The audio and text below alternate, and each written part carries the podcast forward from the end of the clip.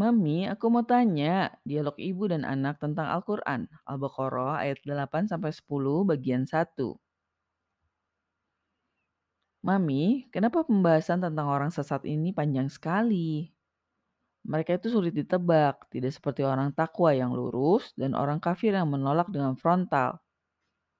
Sepertinya kebanyakan manusia sekarang seperti itu, Mami.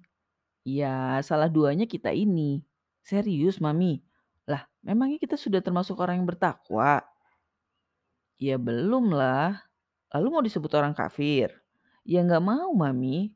Jadi benar kan kita tergolong orang yang sesat? Gak ada golongan lain, Mami. Setengah sesat, setengah takwa. Hahaha. Justru dengan mengakuinya, kita malah akan menyimak penjelasan tentang orang sesat ini lebih berhati-hati. Iya sih, Mami. Kesadaran diri itu penting, Kak. Baiklah. Ayo baca ayat 8 surat Al-Baqarah.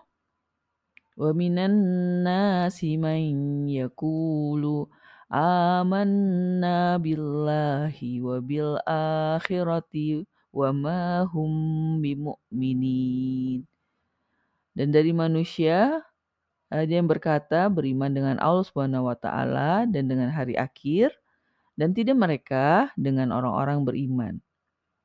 Gimana Kak? Ketangkep maksud ayat ini? Ada yang aku beriman tapi nggak dia aku beriman sama Allah Subhanahu wa taala gitu. Betul, tepatnya mereka bukan bersama orang beriman. Bukan termasuk golongan orang beriman, gitu ya Mami? Iya. Mengapa mereka tidak diakui keimanannya, Kak? Karena mereka berbohong. Nah, Allah Subhanahu wa taala jelasin nih alasannya di ayat selanjutnya. Coba baca. يخادعون الله والذين آمنوا وما يخدعون إلا أنفسهم وما يشعرون Mereka hendak menipu Allah Subhanahu wa taala dan orang beriman dan tidak mereka menipu selain diri mereka sendiri dan mereka tidak menyadari. Apa kita bisa berbohong tanpa berniat menipu? Bisa saja, Mami. Tapi kebanyakan orang berbohong karena berniat menipu kan? Iya, golongan ketiga ini berbohong karena niat menipu. Mereka disebut golongan apa, Mami? Pada kumpulan ayat ini belum disebutkan nama golongannya. Wah, kok bisa?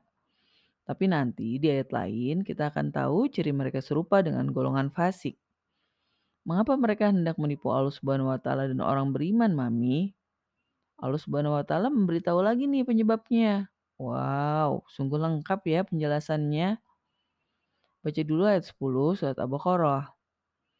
Fi qulubihim maradun fazadahumullahu marada walahum adzabun alimun bima kanu yakdzibun.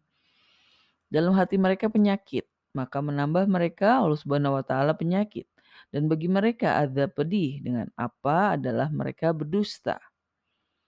Allah Subhanahu wa taala memaparkan mereka berbohong karena ada penyakit di hati mereka. Penyakit hati.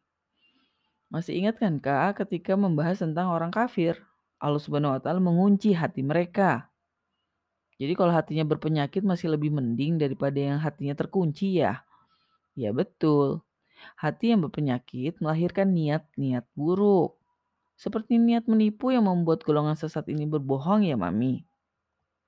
Iya, pada ayat selanjutnya akan dibahas tentang tiga hal yang membuat seseorang memiliki hati berpenyakit. Wah, benar-benar lengkap ya Mami penjelasannya. Iya Kak, karena golongan ini memang sulit dikenali.